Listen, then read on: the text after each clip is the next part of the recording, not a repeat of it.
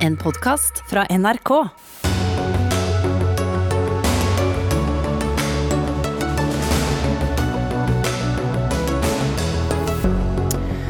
KrF forlater byrådet i Bergen. Kan være på vei mot et samarbeid med Høyre, men møter byrådslederen fra Arbeiderpartiet i Dagsnytt 18.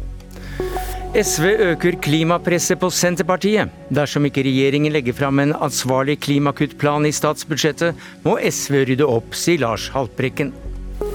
Strid om Clemet-kirken i Trondheim er funnet eller ikke, der Olav den helliges levninger skal ha ligget begravet. En sensasjon som kan endre Trondheims historie, mener en arkeolog. Ytterst tvilsomt om det er Clemet-kirken som er funnet, mener en annen. Debatt om eldgamle ting i Dagsnytt 18. Og etter pandemien har ikke barn og ungdom kommet tilbake til organiserte fritidsaktiviteter. Nå må regjeringen på banen for å få podene tilbake til kor, korps og idrett, mener Frivillighets-Norge. Ja, Det er noen av sakene i Dagsnytt 18 denne mandagen, der vi også skal høre at valgresultatet i Kenya blir mat for domstolene, og få med oss NVEs råd til regjeringen om hva som skal til for at Norge kan begrense krafteksporten. Men vi starter i Bergen, der samarbeidet i byrådet har slått sprekker igjen. I dag trakk KrF seg fra samarbeidet med Arbeiderpartiet, Venstre og MDG.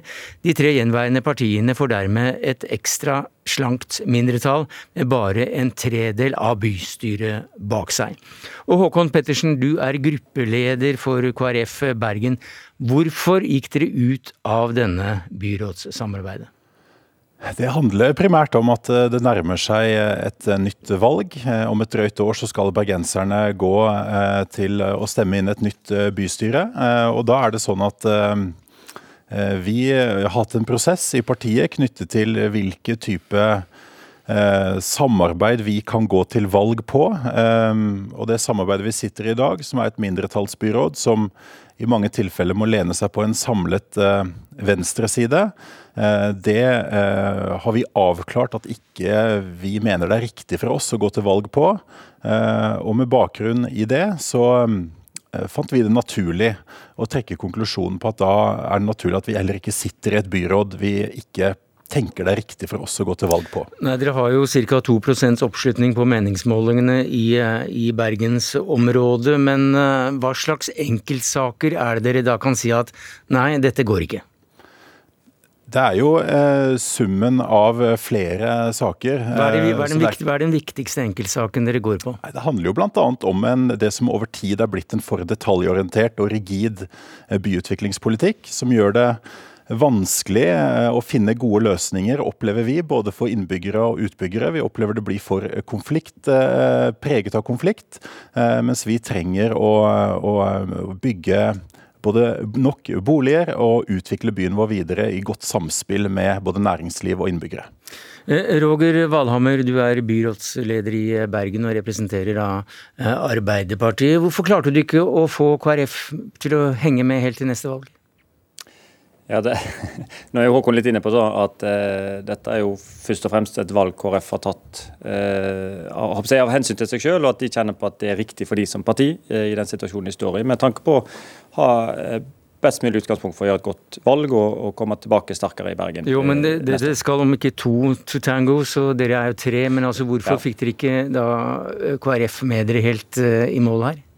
Meg og Håkon da, har jo prata mye sammen egentlig i mange år, men ikke minst de siste ukene. Og, og, vi har eh, diskutert hva som kan være mulig å få til eh, sammen. Eh, men til syvende og sist så var det en beslutning KrF måtte ta på vegne av seg sjøl, og den har jeg forståelse eh, for og respekt for. Eh, og så er jeg veldig glad for at eh, jeg tror vi kan snakke om veldig mye vi har fått til oppe på byutviklingsområdet, enten det er Bybanen eller Ring Øst eller store reguleringssaker. men Eh, at, vi, at de jo varsler at eh, de ønsker å samarbeide som en konstruktiv parti i bystyret eh, det neste året. og Jeg er helt sikker på at vi skal få til en del sammen da òg, og at vi skal klare å styre byen da, og jeg skal klare å styre byen på en god og trygg måte det neste året. Med en tredel av bystyret bak deg?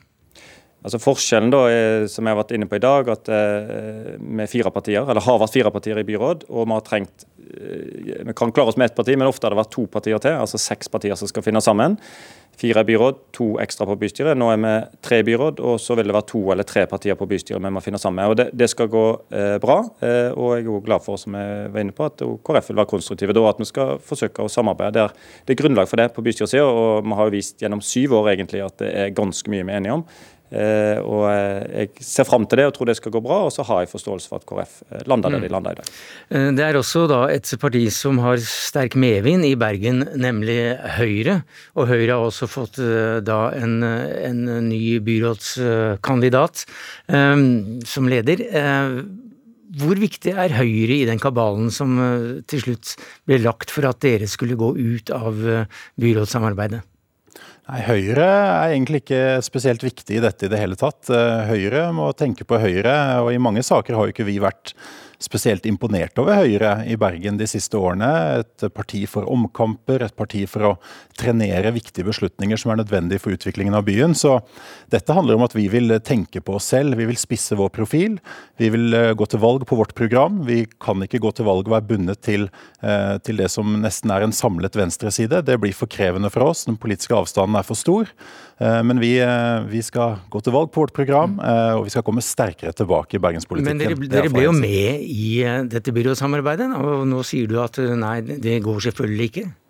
Nei, men Du må huske at det var et veldig spesielt valg i Bergen i, eh, i 2019. Halvparten av bystyrets medlemmer var der for første gang. Det tredje største partiet var Folkeaksjonen Nei til mer bompenger. og I den situasjonen så mener jeg fremdeles at det var riktig av et parti som KrF, som har vært med å ta ansvar gjennom mange perioder, og også gjør det denne perioden. Nå nærmer det seg et nytt valg, og da var det naturlig å gjøre en avklaring på om vi så for oss at det var riktig å gå til valg på denne byrådskonstellasjonen. Konklusjonen på det etter en lang prosess er at det er ikke naturlig, og da mener jeg det er bare ryddig og riktig både overfor Roger og de andre samarbeidspartnerne og bergenserne at vi er tydelige på det. Ja, Er det ryddig og riktig å forlate en slik eh, skute som da skal tas eh, fram til valget til neste år, sånn i siste sving for å male sin egen kake? Det er jo slik at eh, det er et eh, tydelig flertall bak Roger som byrådsleder i bystyret i Bergen. Eh, og vi kommer til å være konstruktive, men vi har behov for å tydeliggjøre vår egen profil, tydeliggjøre våre saker. Som Roger har vært inne på, har vi mm. styrt godt sammen med et Arbeiderpartiledet byråd i mange år. Vi har fått til mye sammen, men eh, jeg tror både Roger og jeg er enige om at bystyret har blitt mer fragmentert. Det er en mer krevende situasjon. Eh, og for oss som eh, minste parti i en firepartikoalisjon, så var det både riktig og nødvendig nå å ta et steg ut og tydeliggjøre for velgerne hva vi mm. går til valg på, og hva vi skal kjempe for i årene som kommer i Bergen. Valhammer. Jeg kan i hvert fall først bekrefte da, at, og det har jeg sagt noen ganger, at det, det er et fragmentert bystyre. Det var vel elleve partier og, og ja, ingen store partier. og det, Vi trenger seks partier for, for, å styre, stort sett. Og, og hvis Høyre skulle styre, så hadde det kanskje vært enda mer krevende. og Derfor er ikke det et alternativ nå. Eh, og Det er viktig for meg å si at eh, som Håkon er inne på, at uh, den liksom parlamentariske situasjonen som sådan har jo ikke endret seg. Og, uh, men med ett færre partier nå, og, og KrF uh, vil selvfølgelig være friere i bystyret enn de har vært, åpenbart, og, men samtidig kan samarbeide med oss. Men det er jo andre muligheter til flertall hvis det skulle være nødvendig. og mm. det, måte, det, er et godt grunnlag å styre byen videre på i en situasjon som i utgangspunktet har vært krevende. Og så har jeg lyst til å legge til, da, det tror jeg Håkon er enig i, at på tross av det så har vi fått til veldig mye ja. og styrt trygt det, det har vi hørt, Men, men ja, da, er, står SV også nå på gangen og skal slippes inn? Utgangspunktet for oss nå det har jeg sagt i dag, er at nå er det ett parti som går ut, og så er det tre eh, som sitter igjen. og At vi da snakker sammen og, og blir enige om eh, mm.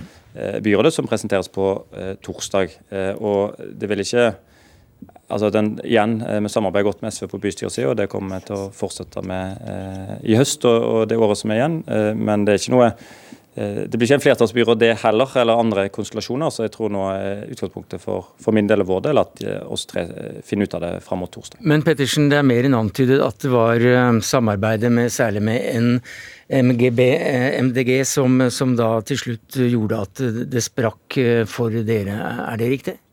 Det vil jeg ikke si på den eh, måten. Det handler om at vi er i et kollege, og vi forhandler saker og vi ja. men, hva, finner men var konklusjoner. Men var, var, det særlig posisjonen og gjennomslaget som NDG har eh, hatt i Bergen som, som gjorde at, eh, at det vippet over? Jeg vil si at det særlig handler bl.a. om byutviklingsfeltet, og at det er blitt konfliktfylt. Og at vi har fremstått mer rigid og, mer, og vanskeligere enn vi bør være eh, for å sikre gode vilkår for både utbyggere og innbyggere i byen vår. Det var vel et politikersvar som eh, kunne vært i hvert fall et hovedtrykk på ja, vil jeg tro. Eh, Håkon Pettersen, gruppeleder i KrF Bergen, takk skal du ha. Takk til Roger Valhammer, byrådsleder i eh, Bergen. Eh, Tone Sofie Aglen, politisk kommentator her i NRK. Hvorfor tror du KrF gjør dette her nå? Nei, det her uh, har nok vært en varsla avgang. Uh, de har nok venta på et uh, påskudd til å gå, med en begrunnelse som velgerne deres, og forhåpentligvis også noen flere, for KrF gjør det ikke så veldig bra på målingene om dagen, både forstår og liker. Og så er det jo selvsagt politiske årsaker til at KrF velger å gå, men det ligger tjukt utapå at det her handler om strategisk posisjonering før valget, nettopp fordi KrF gjør det svakt. De trenger å synliggjøre seg bedre. Eh, byrådet i Bergen har ikke veldig eh, eh, så godt omdømme om dagen. Det blir nok ikke opplevd som et veldig værende sted å være og drive valgkamp, men den aller viktigste årsaken er nok et frampek om at KrF kan finne på å skifte side og samarbeide med Høyre etter valget. Så det åpner for det? Ja, det er i hvert fall et skritt nærmere mm. det. Men uh, vi hørte jo at gruppelederen ikke ville ta de ordene i sin munn. Nei, men det her er nok en uh, gradvis uh, tilnærming. Uh, I sommer sa de jo at de ikke uh, utelukka at de vil samarbeide med Høyre, og det er nok også en viss lettelse i Arbeiderpartiet når KrF allerede har varsla det, at de, at de, gjør den beslutninga nå og ikke tettere opp mot valget. Mm. Eirin Eikefjord, du er politisk redaktør i Bergens Tidende og kjenner akkurat bergenspolitikken spesielt godt. Hvor krevende har det vært å sitte i denne byregjeringen? Det er ingen tvil om at det har vært krevende for flere, og, og, kanskje særlig for KrF, som er en slags juniorpartner her med kun to mandater bak seg i bystyret. Og det er jo klart at alle må inngå kompromisser. Ingen har vel vært særlig fornøyd med sine gjennomslag. Og Bortsett fra bybanesaken, som har vært veldig viktig for KrF, og, og, som egentlig forklarer hvorfor de vil samarbeide med Arbeiderpartiet i utgangspunktet, så er det vanskelig å få øye på noen store gjennomslag i, i den tiden de har sittet i byråd. Men vi hører jo da altså at eh, det er et eh, kontrollert kaos, eh, så å si, i, i bystyret. Hvordan blir det for da byrådet å manøvrere seg fram til høsten 2023? Utgangspunktet er jo at det har vært vanskelig. Fire byrådspartier trenger flertall sammen med to andre. Det er ingen drømmesituasjon for noen. Og nå blir det jo tre internt i byrådet som skal samarbeide med tre kanskje på utsiden. Så ja, det fra sak til sak må de jo manøvrere her, men det er ikke gitt at det blir så fryktelig mye verre enn det har vært. Og man òg eh, må jo da trenge, har jo flere, færre på innsiden som ønsker seg gjennomslag og pynter seg med fram mot valget. Eh, Tone Sofie Aglen, eh, dette er jo da Norges nest største by. Og det gjør det jo ekstra interessant å se på dette uh, ut ifra storbypolitikk.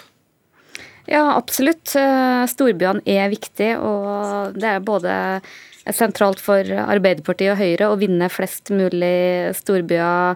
Og for Høyre, som mista makta i mange av dem, så har særlig Bergen vært eh, viktig. Og nå har man jo gjort flere ting i Bergen som eh, peker mot at eh, Høyre kan vinne Bergen. For det første gjør de jo bra på målingene, men det de vet er at de er helt avhengig av flere samarbeidspartier. Og både det som skjer nå, at Høyre har fått en ny byrådslederkandidat i Kristine Meyer, som danka ut nåværende gruppeleder. Hun blir regna som mer sentrumsorientert, mer lyseblå politisk, kanskje mer grønn, klimavennlig i sin profil, og ikke minst at hun har en mer samarbeidsprofil som er viktig for å klare å skape et politisk flertall i en by som er veldig fragmentert og vanskelig å styre. Ja, Eirin Eikefjord, er det nå åpent for en bredere allianse på borgerlig side i Bergen? Makten i Bergen går jo som kjent gjennom sentrum, og for Høyre så er det jo åpenbart eh, en bra ting at eh, sentrum smuldrer opp. Eh, altså sentrum i byråds konstellasjonen smuldrer opp og, og nå er åpen for å kapre. Nå er det jo ikke sikkert at de får så fryktelig mye ut av KrF. De ligger jo stabilt på to på målingene for tiden. Har få mandater å bringe inn, og, og det, Høyre trenger jo flere enn de for å komme til makt i Bergen. Takk skal du ha, Eirin Eikfjord, politisk eh, redaktør i Bergens Tidende, og til deg, Tone Sofie Aglen, politisk kommentator her i NRK.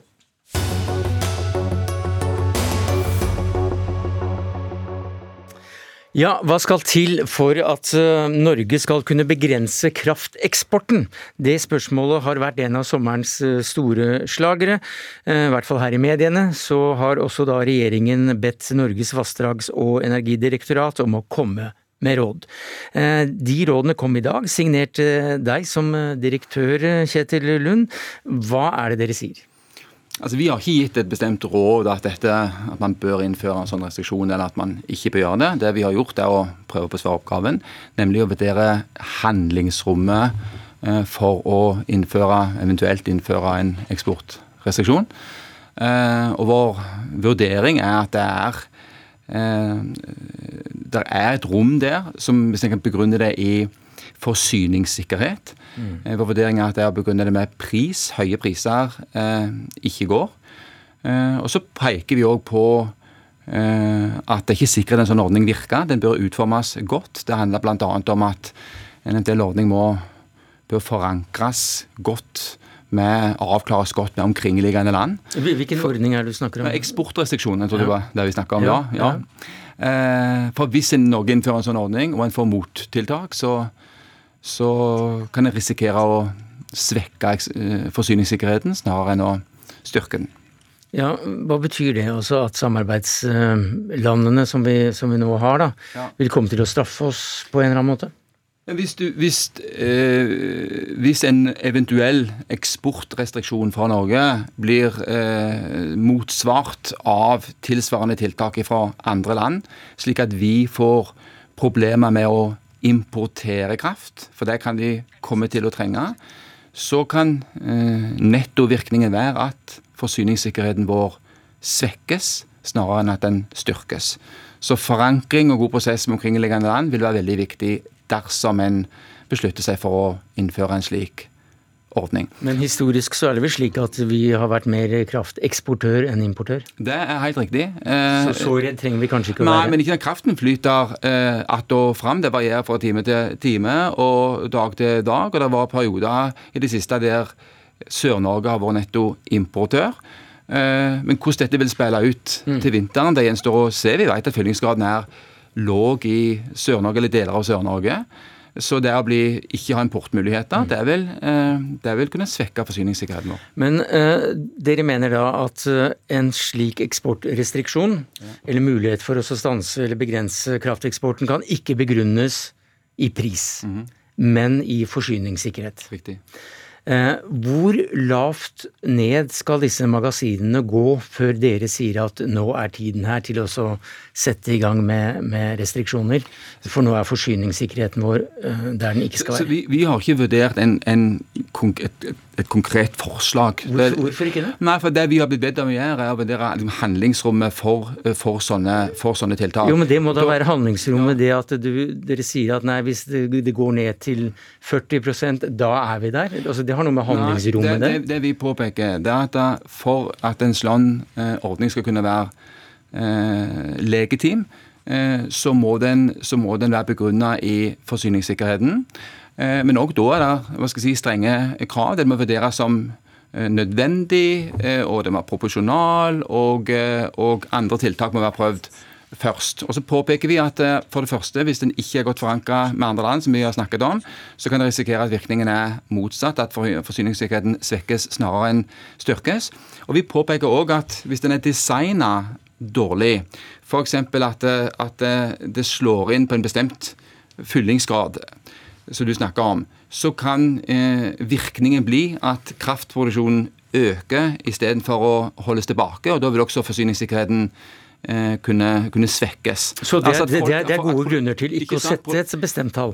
Det, det, er argumenter for å, mm. for å uh, i hvert fall tenke seg nøye uh, Men hvem er det som da til slutt skal si at ok, nok er nok, nå setter vi i gang uh, restriksjoner på eksporten? Er det deg? Ja, det, er en, det, er en, vurdering som, som, regjeringen må gjøre om Norge ønsker å innføre en slik eksportrestriksjon. Men ut fra råd fra ja, nei, vi, vi, har ikke gitt noe råd om å innføre en slik ordning. Vi har vurdert det Eh, de argumentene som er for og mot. Og så har vi oversendt det til departementet i dag. Eh, så vet vi at det er noen er for og noen er mot innenfor en sånn eh, ordning. Det er veldig politisk debatt. Jeg tenker ikke vår rolle å gå inn i den, men vår rolle er å redegjøre for argumentene for og mm. mot. Det har vi forsøkt å gjøre i dag. Så har det vært en viss debatt om, um, om uh, rasjonering og, ja. og, snakk om det, og kanskje til våren osv. Og, så videre, og, og dere har vel også uttalt dere og sagt noen prosentsjanser for at, for at så skjer. Når du ser um, magasinene i dag, hva tenker du? Så, så vi, vi, har ikke operert med prosenter. Eh, men eh, fyllingsgraden i Sør-Norge er eh, låg. Ja, det er vi alle enige om, men er den så låg at, at, det kan være prekært? For det er ordet prekært som oljeministeren har brukt. Fyllingsgraden er på vei opp i Sør-Norge nå. Vi ser at den ordningen vi har innført, nemlig å be om at produsentene holder tilbake vann som kan spares til vinteren, den synes å ha veldig sterk effekt. Det produseres nesten ikke vann i Sør-Norge nå fra magasiner som er relevante for, for forsyningssikkerheten til vinteren. Og da, da vil det ikke hjelpe med så mye med ytterligere tiltak, for da har vi eh, eh, da holder vi tilbake det vannet vi kan. Men så vil det være veldig kjærkomment med regn i ukene som kommer nå, eh, for det vil være viktig for å få opp fyllingsgraden. Men uh, akkurat slik det ser ut i dag, så ser det litt lysere ut med hensyn til å unngå rasjonering enn vi gjorde for noen uker siden. Nei, altså Vi har alltid sagt at eh, sannsynligheten for, eh, for, rasjonering er låg. Det er ikke et hovedscenario. Og hvis det skulle skje, så vil det ikke skje midtvinters når det er på det kaldeste. Det vil skje i april, mai, kanskje noen timer, kanskje noen dager. og vi håper og tror vi skal unngå det. Det er veldig mye som skal gå galt for at det skal skje. Men det vi også sier i brevet i dag, det er at hvis vi mister muligheten til å importere kraft, hvis vi må trenge det, så vil eh, sannsynligheten for en krevende situasjon bli større. Takk skal du ha, Kjetil Lund, direktør i Norges vassdrags- og energidirektorat, NVE.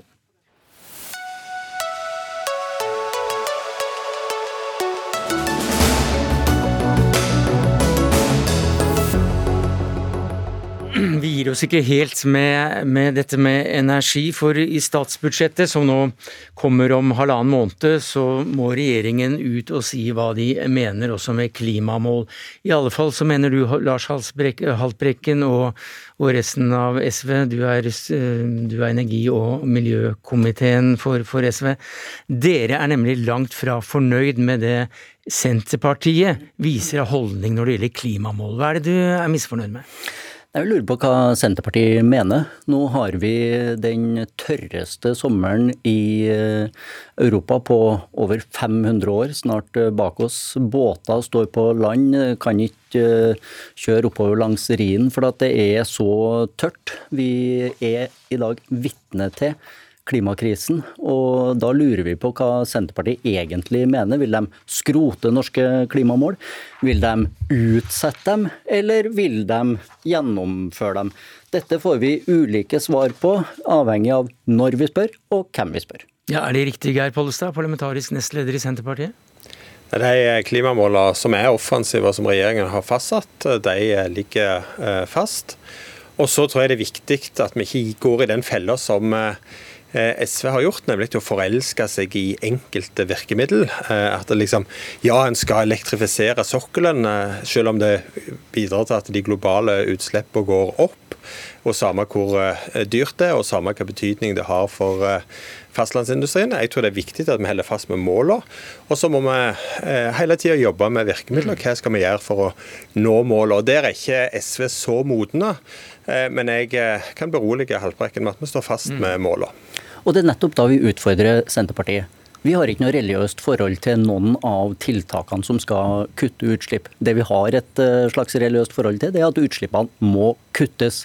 Eh, elektrifisering av sokkelen med havvind, som vi ønsker, er ett tiltak for å få ned utslippene både i Norge og eh, globalt. Hvis Senterpartiet ikke ønsker det, vel, da kan de i stedet fortelle oss hvilke andre tiltak vil de sette i verk for å oppnå like store kutt og nå norske klimamål. Det har vi ikke fått noe svar på, og det forventer vi at et eh, regjeringsparti som sier at de skal kutte utslippene i Norge med 55 faktisk leverer et svar på. Vi har sjøl laga en plan som viser hvordan utslippene kan kuttes med 70% Senterpartiet må gjerne plukke uh, forslag til utslippskutt uh, derfra, men jeg tror det blir vanskelig å uh, komme forbi at man må gjøre noe med utslippene i oljeselskapene, som er de største forurenserne i Norge. Der er det jo sånn at uh, I regjeringsplattformen og for Senterpartiet så uh, er det en viktig forutsetning for en eventuell elektrifisering at den skal skje med, i størst mulig grad med ny eh, energi. Altså F.eks. vindkraft til havs, ja, der, sånn at vi ikke øyelegger er. Sånn at vi ikke øyelegger for den innenlandsproduksjonen. Mm. Og så er det det vi sier, at ja, det er ikke helt sikkert at vi kommer i mål med det til 2030.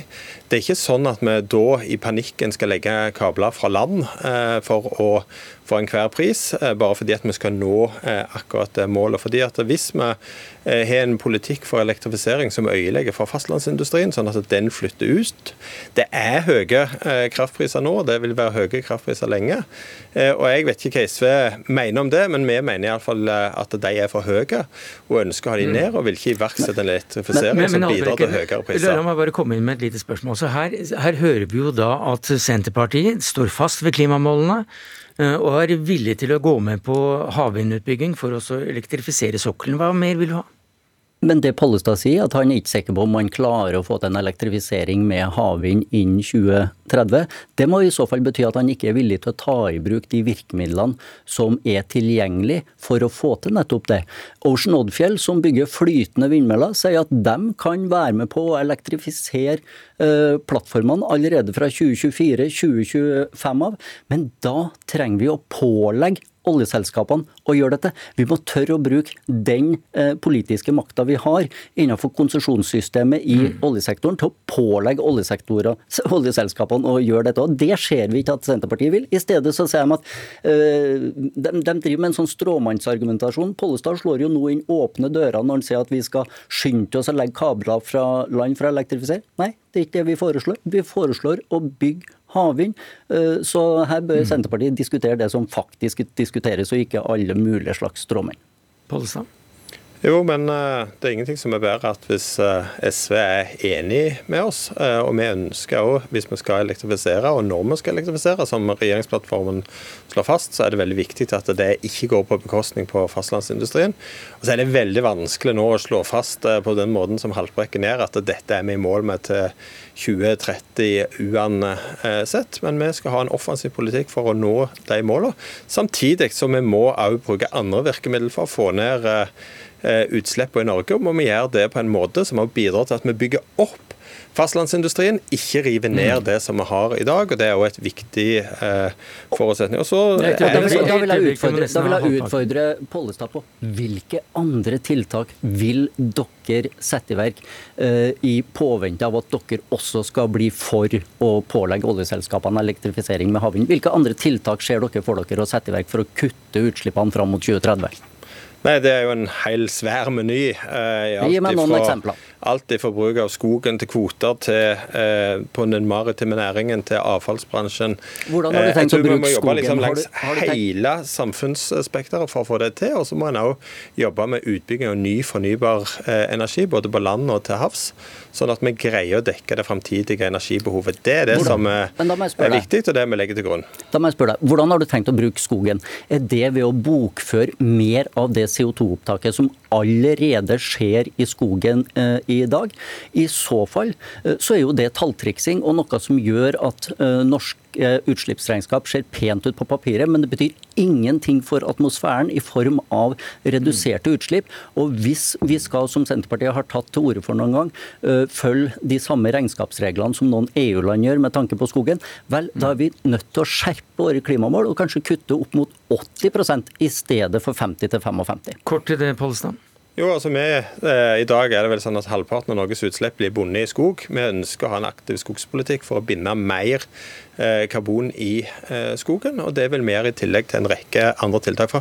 Våre løsninger når det gjelder klima, det er at vi skal ha næringsutvikling i Norge, samtidig som vi reduserer utslippene. Og vi er mest opptatt av at vi skal nå målene, ikke hvilke virkemidler mm. som vi bruker. Takk skal du ha, Geir Pollestad, parlamentarisk nestleder i Senterpartiet, og til deg, Lars Haltbrekken, medlem i Stortingets energi- og miljøkomité for SV.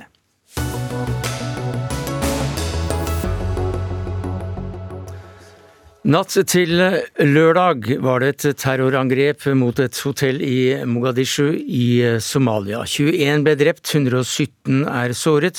I dag ble det kjent at to av de drepte var norske statsborgere. Vegard Kjørom, du er påtroppende Afrikakorrespondent for NRK. Hva mer vet du om dette?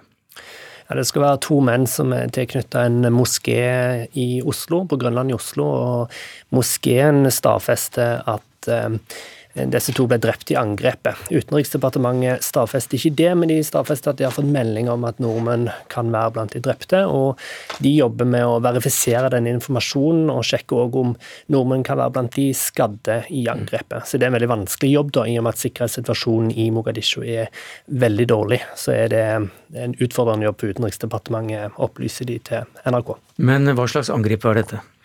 Dette var et eh, klassisk Al Shabaab-angrep mot et eh, hotell der det frekventerer mange medlemmer av den somaliske eliten og regjering. De kjørte inn eh, bilbombe, eller bombe som det starta med, og så kom det væpna menn inn i dette hotellet. Der pågikk det en terroroperasjon over 30 timer, der den somaliske soldater prøvde å stanse dette. og 21 menneskeliv gikk tapt. Eh, og disse Al Shabaab-soldatene gikk inn i dette eh, vel vitende om at de ikke kom til å komme levende ut av det. da. Stig Arle Hansen, du er professor ved NMBU og Somalia med da terroren. Det er ditt eh, spesialområde. Tidligere i år så ble det valgt en ny president i Somalia. Det gikk forholdsvis rolig for seg. Hvorfor skjer dette her nå? Det kan være en eh, maktdemonstrasjon fra Shebam sin side. Eh, presidenten han gikk ganske tidlig ut og sa at eh, kampen mot Shebab var en prioritet. Han holdt riktignok en åpning for en forhandlingsløsning i framtida, men ikke nå. Det sa han utvetydig. I tillegg til det så fikk de jo en tidligere Shebab-leder som minister for religion, som hoppet av fra Shebab da, som på den måten også ydmyket bevegelsen. Så det vi kan se her, er at eh, Shebab kanskje prøver å vise presidenten at en væpnet kamp mot dem vil ha følger, og vise at de fortsatt er eh, noe og eh, en spiller i somalisk politikk som er verdt å ta med seg. Vi har også sett en økning i Shebab sine angrep etter presidentvalget. Al Shabaab regnes jo som en terrororganisasjon av, av mange land. Hva er deres mål? Nei, Målet deres er nok eh, relativt eh, lokalt. I første omgang så er det å opprette et eh, islamsk emirat på Afrikas Horn. Men de har jo vært relativt gode i å rekruttere regionalt, og tidligere også så var de ganske gode å rekruttere i Norge, faktisk. Det er mange som glemte det etter veksten av den islamske stat i mm. Norge. Dette er også en av de største, hvis ikke den største affiliaten i Al Qaida-systemet i dag.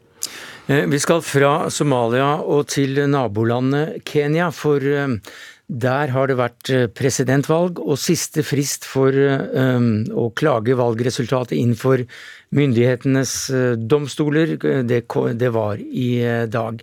Vegard Kjørom, er det klaget? Det er klager. Det vi ser i Kenya er et ganske ungt demokrati som tar stadig skritt i riktig retning, men som samtidig har en vei å gå før de iallfall kan gjennomføre et valg som ikke blir klaga inn til Høyesterett, sånn som skjer i dag. Valgtaper Ray Odinga mener det har skjedd omfattende valgjuks. Han mener at det er korrupte mennesker som en del av systemet. Og han eh, krever at eh, bl.a. stemmer som ble lagt bort og avvist, de skal eh, telles om igjen, fordi han mener det er uoverensstemmelser mellom hvor mange som møter opp til valg, og hvor mange stemmer som ble avgitt. Annet. Det var en lang liste med anklager han og hans visepresidentkandidat Marta Karua kom med i dag, da.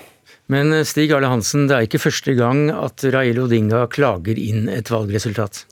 Nei, han har jo klaget inn ganske mange valgresultat etter hvert. Han eh, prøver seg om og om igjen, og eh, det går ikke så bra for han. Så dette er jo spennende å se hvordan dette ender opp. Samtidig så er det jo sånn at eh, Odinga-familien de har jo vært en del av den kenyanske eliten tidligere. Dette er en del av den, de familiene som ble veldig mektige etter at Kenya brøyt ut av det britiske imperiet og fikk selvstendighet. Så han har på en måte hatt en etablert posisjon på sin måte eh, fram til pappaen hans ble uvenner med eh, daværende presidenten i Kenya. og Så gikk han inn i en sånn evig opposisjonsstilling, og så gikk han inn i forlik med den forrige presidenten, Uhuru Kenyatta, om en slags allianse. Eh, den alliansen holdt ikke denne gangen, dessverre, for Raila Odinga, så han ble igjen stående med en slags svarteper. Nå var det veldig små marginer i dette valget her også, som gjør det kanskje litt mer spennende, men også øker mulighetene for vold. Men det har jo gått bra så langt. Relativt bra, i hvert fall. Men valgkonvensjonen er jo da veldig splittet, Jørgen? Ja, allerede før det offisielle resultatet ble lagt fram, så gikk fire av sju i valgkommisjonen ut og sa at de kunne ikke stille seg bak resultatet. De mener at eh, det kan ha skjedd eh, ja, feil helt i innspurten. De mente det var ugjennomsiktig, det som skjedde i innspurten av opptellinga. Ja. Fredrik eh, Mokasir, du er leder av foreningen for Makosir, unnskyld. Du er leder av foreningen for kenyanere i Norge.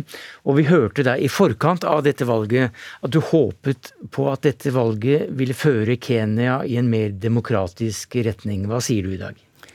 Jeg må si at er, vi, er, vi, er, på riktig vei. Og så Man må ikke glemme at vi har nettopp lagt bak oss 2007, som var veldig ille.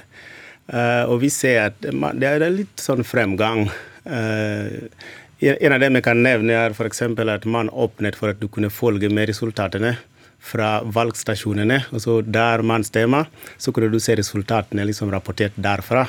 Så det er fremgang. Og nummer to, eh, vi har respekt for retten. Det er derfor Raila Odinga går til retten istedenfor å gå til gatene. Så Forrige gang så husker vi at folk gikk i gatene, og det var demonstrasjoner. Folk ble drept, det var mye skader, både på eiendeler eh, og mennesker. Denne gangen har alle sagt samstemt at vi skal ikke gå i gatene og demonstrere, vi skal gå i retten og forsvare. Men hva er da hovedforskjellen mellom disse to eh, kamphanene, som også da fikk 50, et eller annet og 48, et eller annet? Ja, altså Disse to er blant de tre eh, mennene som har styrt kenyansk politikk i, i, mange mange år nå. Så, eh, men det er iallfall én forskjell, som eh, Hansen påpekte her, og det er at Odinga kommer fra et dynasti. Han har arva makt, mens eh, William Ruto han eh, fronter seg selv som en person som kommer fra gata, starta som gateselger og har bygd seg opp til å bli en av Kenyas rikeste menn. Eh, mange mener òg at han har klart det ved å bedrive korrupsjon. Ehm, så det er en del anklager mot han.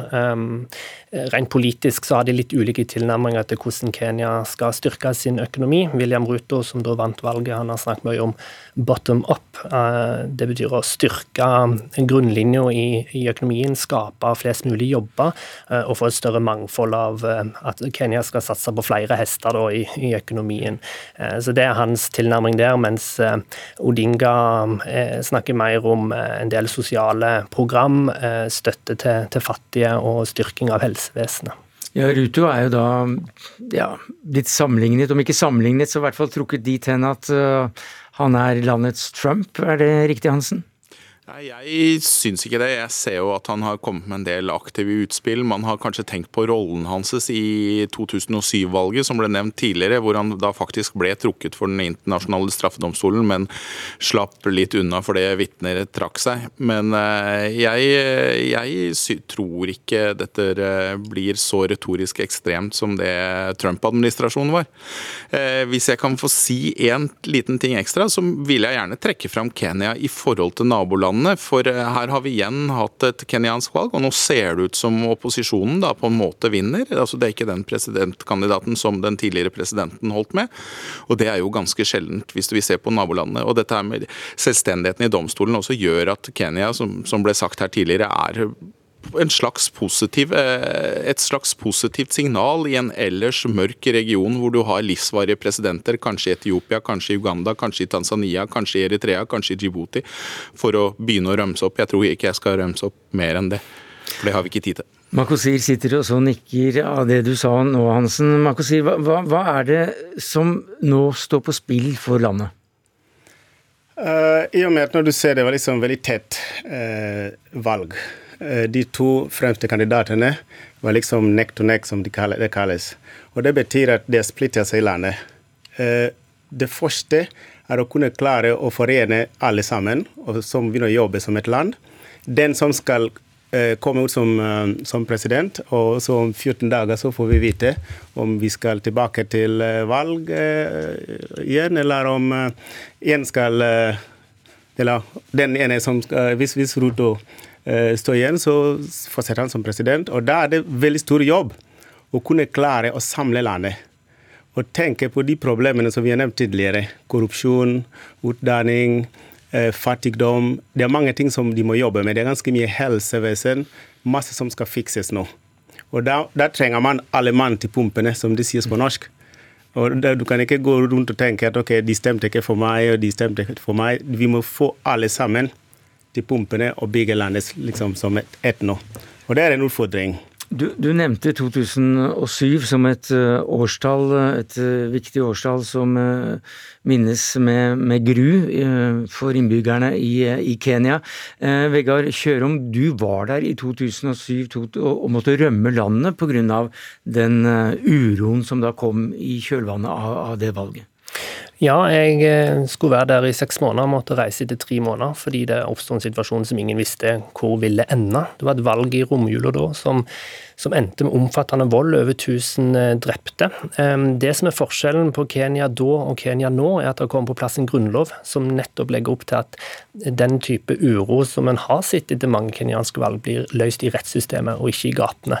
Eh, Kenyas politikk er dessverre veldig preget av etniske grupper, etnisitet og etniske skillelinjer. Eh, det som òg en tendens til blir, har blitt mindre, preger Kenya mindre nå enn før, men det er fortsatt en utfordring som da òg skaper Eh, frykt for etnisk vold, som vi heldigvis ikke har sett i samme omfang som i 2007. Eh, ja, de siste 15 årene. Så får vi håpe at det fortsetter sånn, da. Takk skal du ha, Vegard Kjørom, påtroppende Afrikakorrespondent for eh, NRK.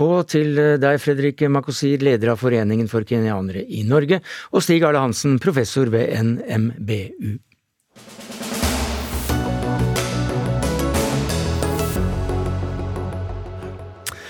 Ja, er det Klemenskirken som er gravd fram i Trondheim, eller er det det ikke? Og bør Klemenskirkeutstillingen da måtte forandres. Det strides de lærde om i dag.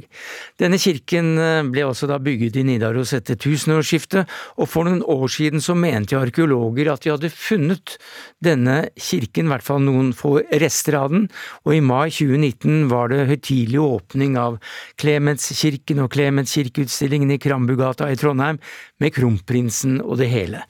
Men tidligere i sommer så slo en kronikk i Adressa ned som en bombe. Kanskje var det slett ikke Klemenskirken som var funnet. Aksel Kristoffersen, du er professor um, i historisk arkeologi, Institutt for arkeologi og kulturhistorie eh, ved NTNU Vitenskapsmuseet, og du er en av de som har snudd i denne saken og er ikke så sikker på at det er Klemenskirken. Hvorfor ikke? Nei, det stemmer det. Jeg eh, var sikker til å begynne med. Eh, men da vi fikk rapporten i, i 2021, så gikk jeg og noen kolleger inn i datagrunnlaget her, og da ble vi nokså sikre på at den hypotesen som går på at klemmesyken er gjenoppbygd på et annet sted, den, den holder ikke vann, for å si det enkelt. Den gjør ikke det. Og vi bygger utelukkende på det datagrunnlaget som er presentert i, uh, i, rapporten, og har gått gjennom de argumentene.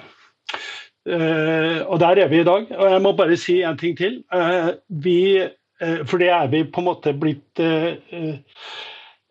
indirekte beskyldt for at vi ønsker å ta livet av den teorien, eller den hypotesen. Det er ikke det vi er ute etter. Vi er ikke ute etter i å, å, å, å ødelegge den, men vi mener at, en, at god vitenskapelig folkeskikk det handler om å også ta inn over seg at det mm. fins argumenter, motargumenter, som man er nødt til å vurdere på nytt. Anna Peter Skien, du er arkeolog og forsker ved Norsk institutt for kulturminneforskning, og det er du som har ledet eh, utgravningene på tomta mellom Krambugata og Søndergate i Trondheim.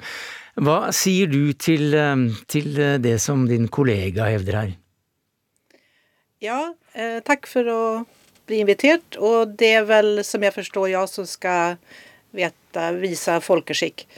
Um, jeg som arkeolog er veldig opptatt av arkeologisk feltarbeid.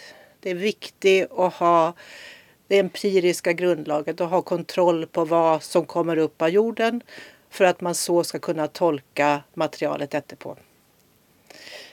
I forhold til Klemenskirken så har vi gjort et stort arbeid. Et grundig arbeid, et vitenskapelig arbeid. Eh, I rapporten, som er per i dag det eneste faglige grunnlag som fins. Eh, de her alle meningene som har kommet etterpå, er presentert i eh, den lokale adresseavisa i hovedsak. Det er ikke skrevet vitenskapelige artikler for eller mot. Eh, så rapporten er det vi har å utgå ifra. Mm. Men, hva, men, hva, er det dere da er uenige om? Altså, hva, hvilke ting er det dere har sett forskjellig på um, siden eh, de utgravningene da fant sted? Vi vet at denne kirka er ikke plassert på stedet der vi fant den først tidligst 1060. Eh, og det vil jo si at det kan jo ikke være Olav Haraldsson som har plassert kirka der. For da hadde han vært død i 30 år. Så det vi debatterer, er alderen på det gjenværende konstruksjonselement som vi har i den eldste kirken. Den første kirken på stedet er en stolpekirke. Det er det man vanligvis oppfatter som en av de eldste kirketypene, der det er jordgravda stolper eller stavar som bærer taket. Stavkirke? En stavkirke. Mm. Eh, med stolparna gravd ned i bakken. Vi har to dendrodateringer på stolpar.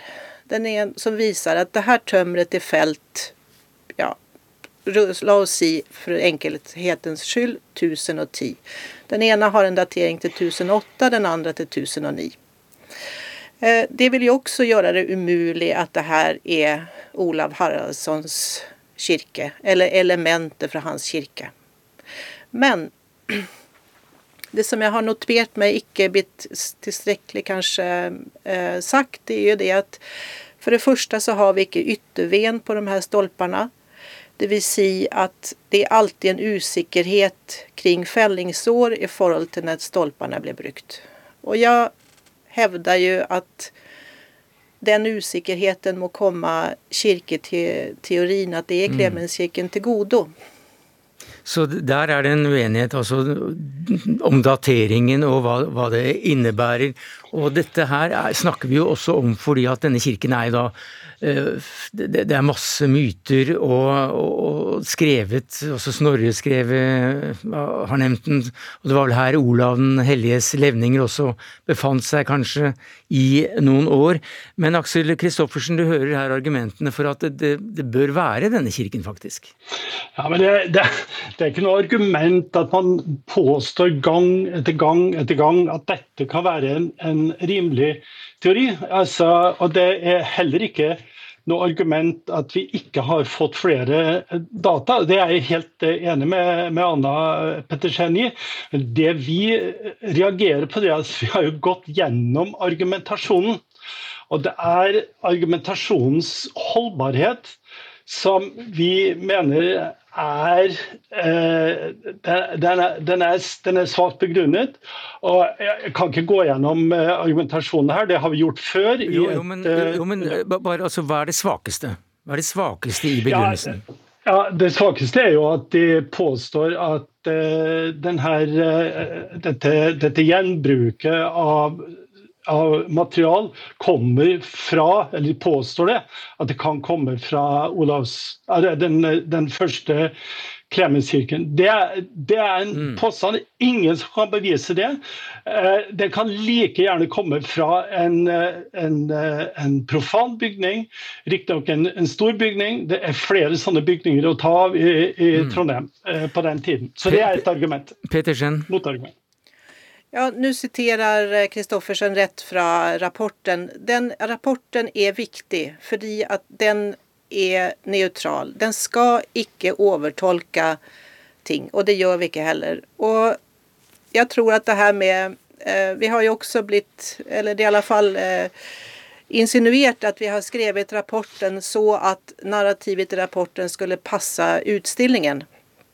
Det vil jeg tilbakevise mm. at vi har gjort. Ja, men eh, det, det, er ikke tema her, men, men, ganske kort til slutt også. Du var jo altså Det var en veldig begeistring rundt eh, funnet av, av denne kirken.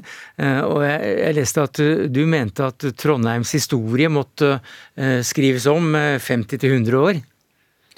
Ja, jeg mener at uansett Uenige vil vi kanskje fortsette å være, men, men for faget det her kirkefundet det er ikke kun én kirke, det er fem trekirker som er bygd på hverandre på samme sted. Mm. Fra 1000-tall fram til 1300-tallet. Det er et unikt funn. Det er et unikt sted, og vi har det i Trondheim. Punktum. Og dermed så er det også da et museum knyttet til dette, Aksel Kristoffersen. Hva, hva, hva bør skje med det da, ganske kort? Altså det som eh, bekymrer oss, er jo at eh, nå står utstillingen sånn og, og, roper ut at det er eh, Vi har overtatt utstillingen. Vi har et ansvar for det faglige grunnlaget for dette. og Dette mm. må vi få i orden. Så vil jeg bare si én ting. Ja, vi, kan, vi kan ikke fortsette å diskutere omkring dette er en eller annen gjenoppbygd Klemmenskirke. Vi må eh, komme frem til å diskutere alternative tolkninger, og de fins, og det må vi åpne for snart. Og slutte med den her ensidige eh, konfrontasjonslinja som vi har nå. Takk skal du ha, Aksel Kristoffersen, du er professor i historisk arkeologi. Og takk til deg, Anna Pettersen, arkeolog, forsker ved Norsk institutt for kulturminneforskning.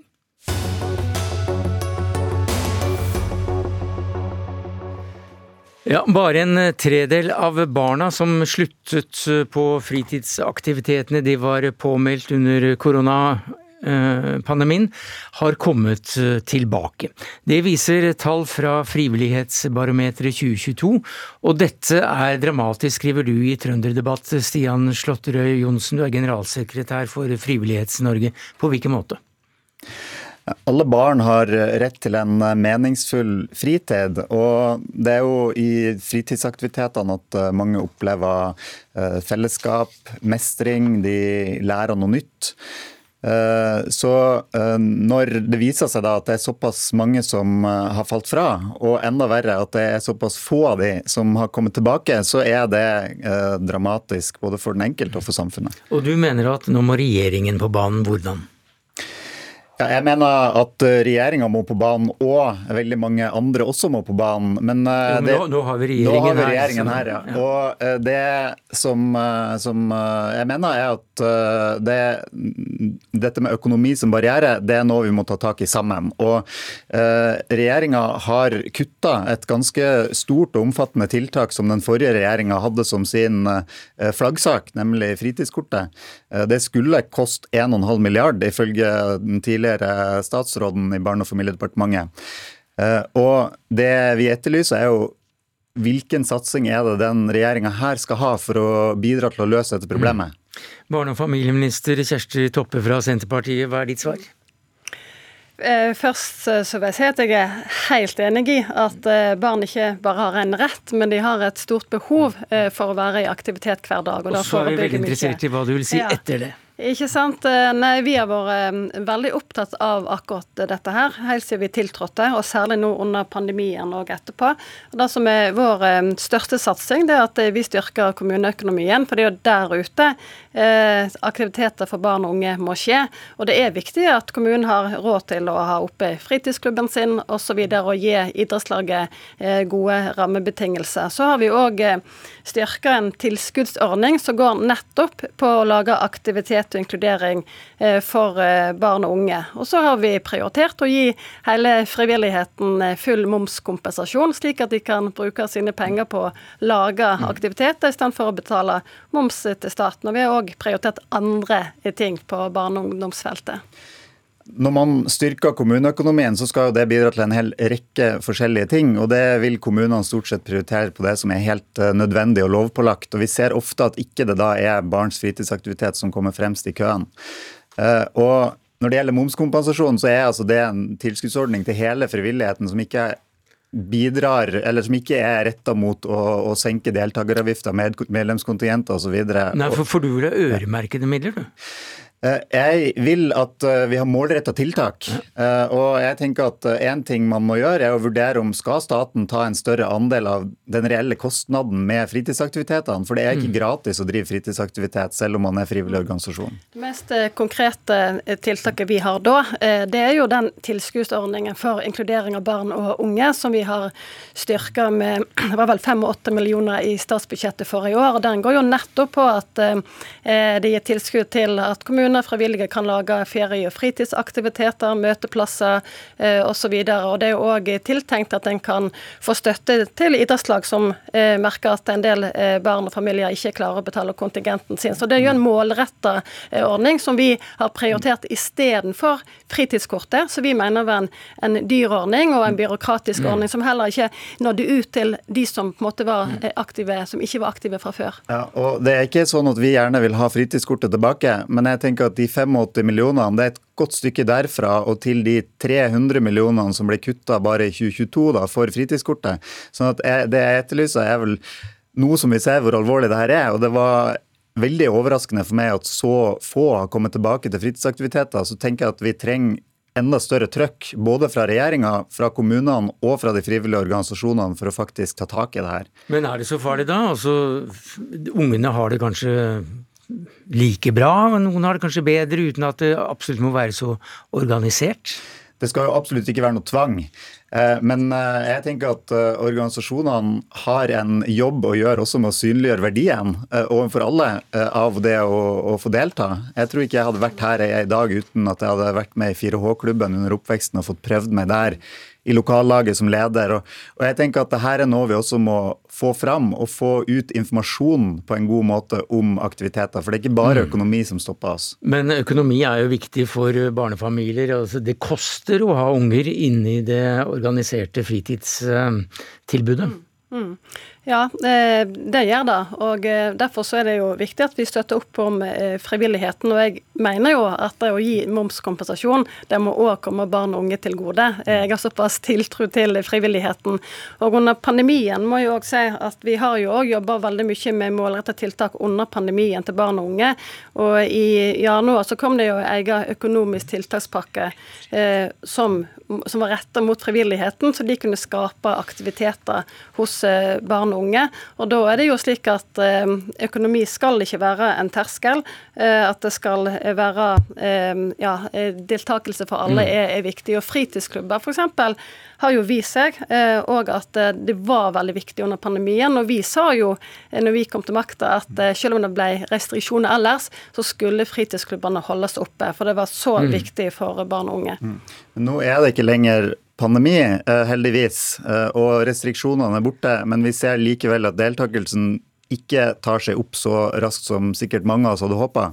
Og da tenker jeg jo at da kan man ikke lenger snakke om pandemitiltakene, da må vi snakke om hva som skal skje framover.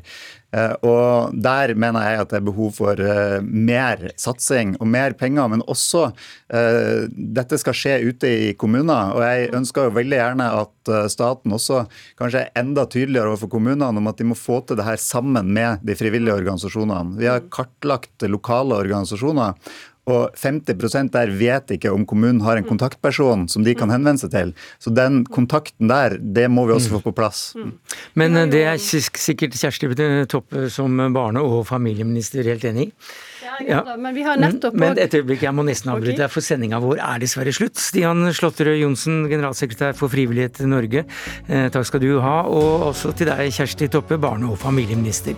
For det var det vi rakk i Dagsnytt 18 i dag, takket være Anne Katrin Føhli, Eli Kyrkjebø og Sverre Tom Radøy. Du har hørt en podkast fra NRK. Hør flere podkaster og din NRK-kanal i appen NRK Radio.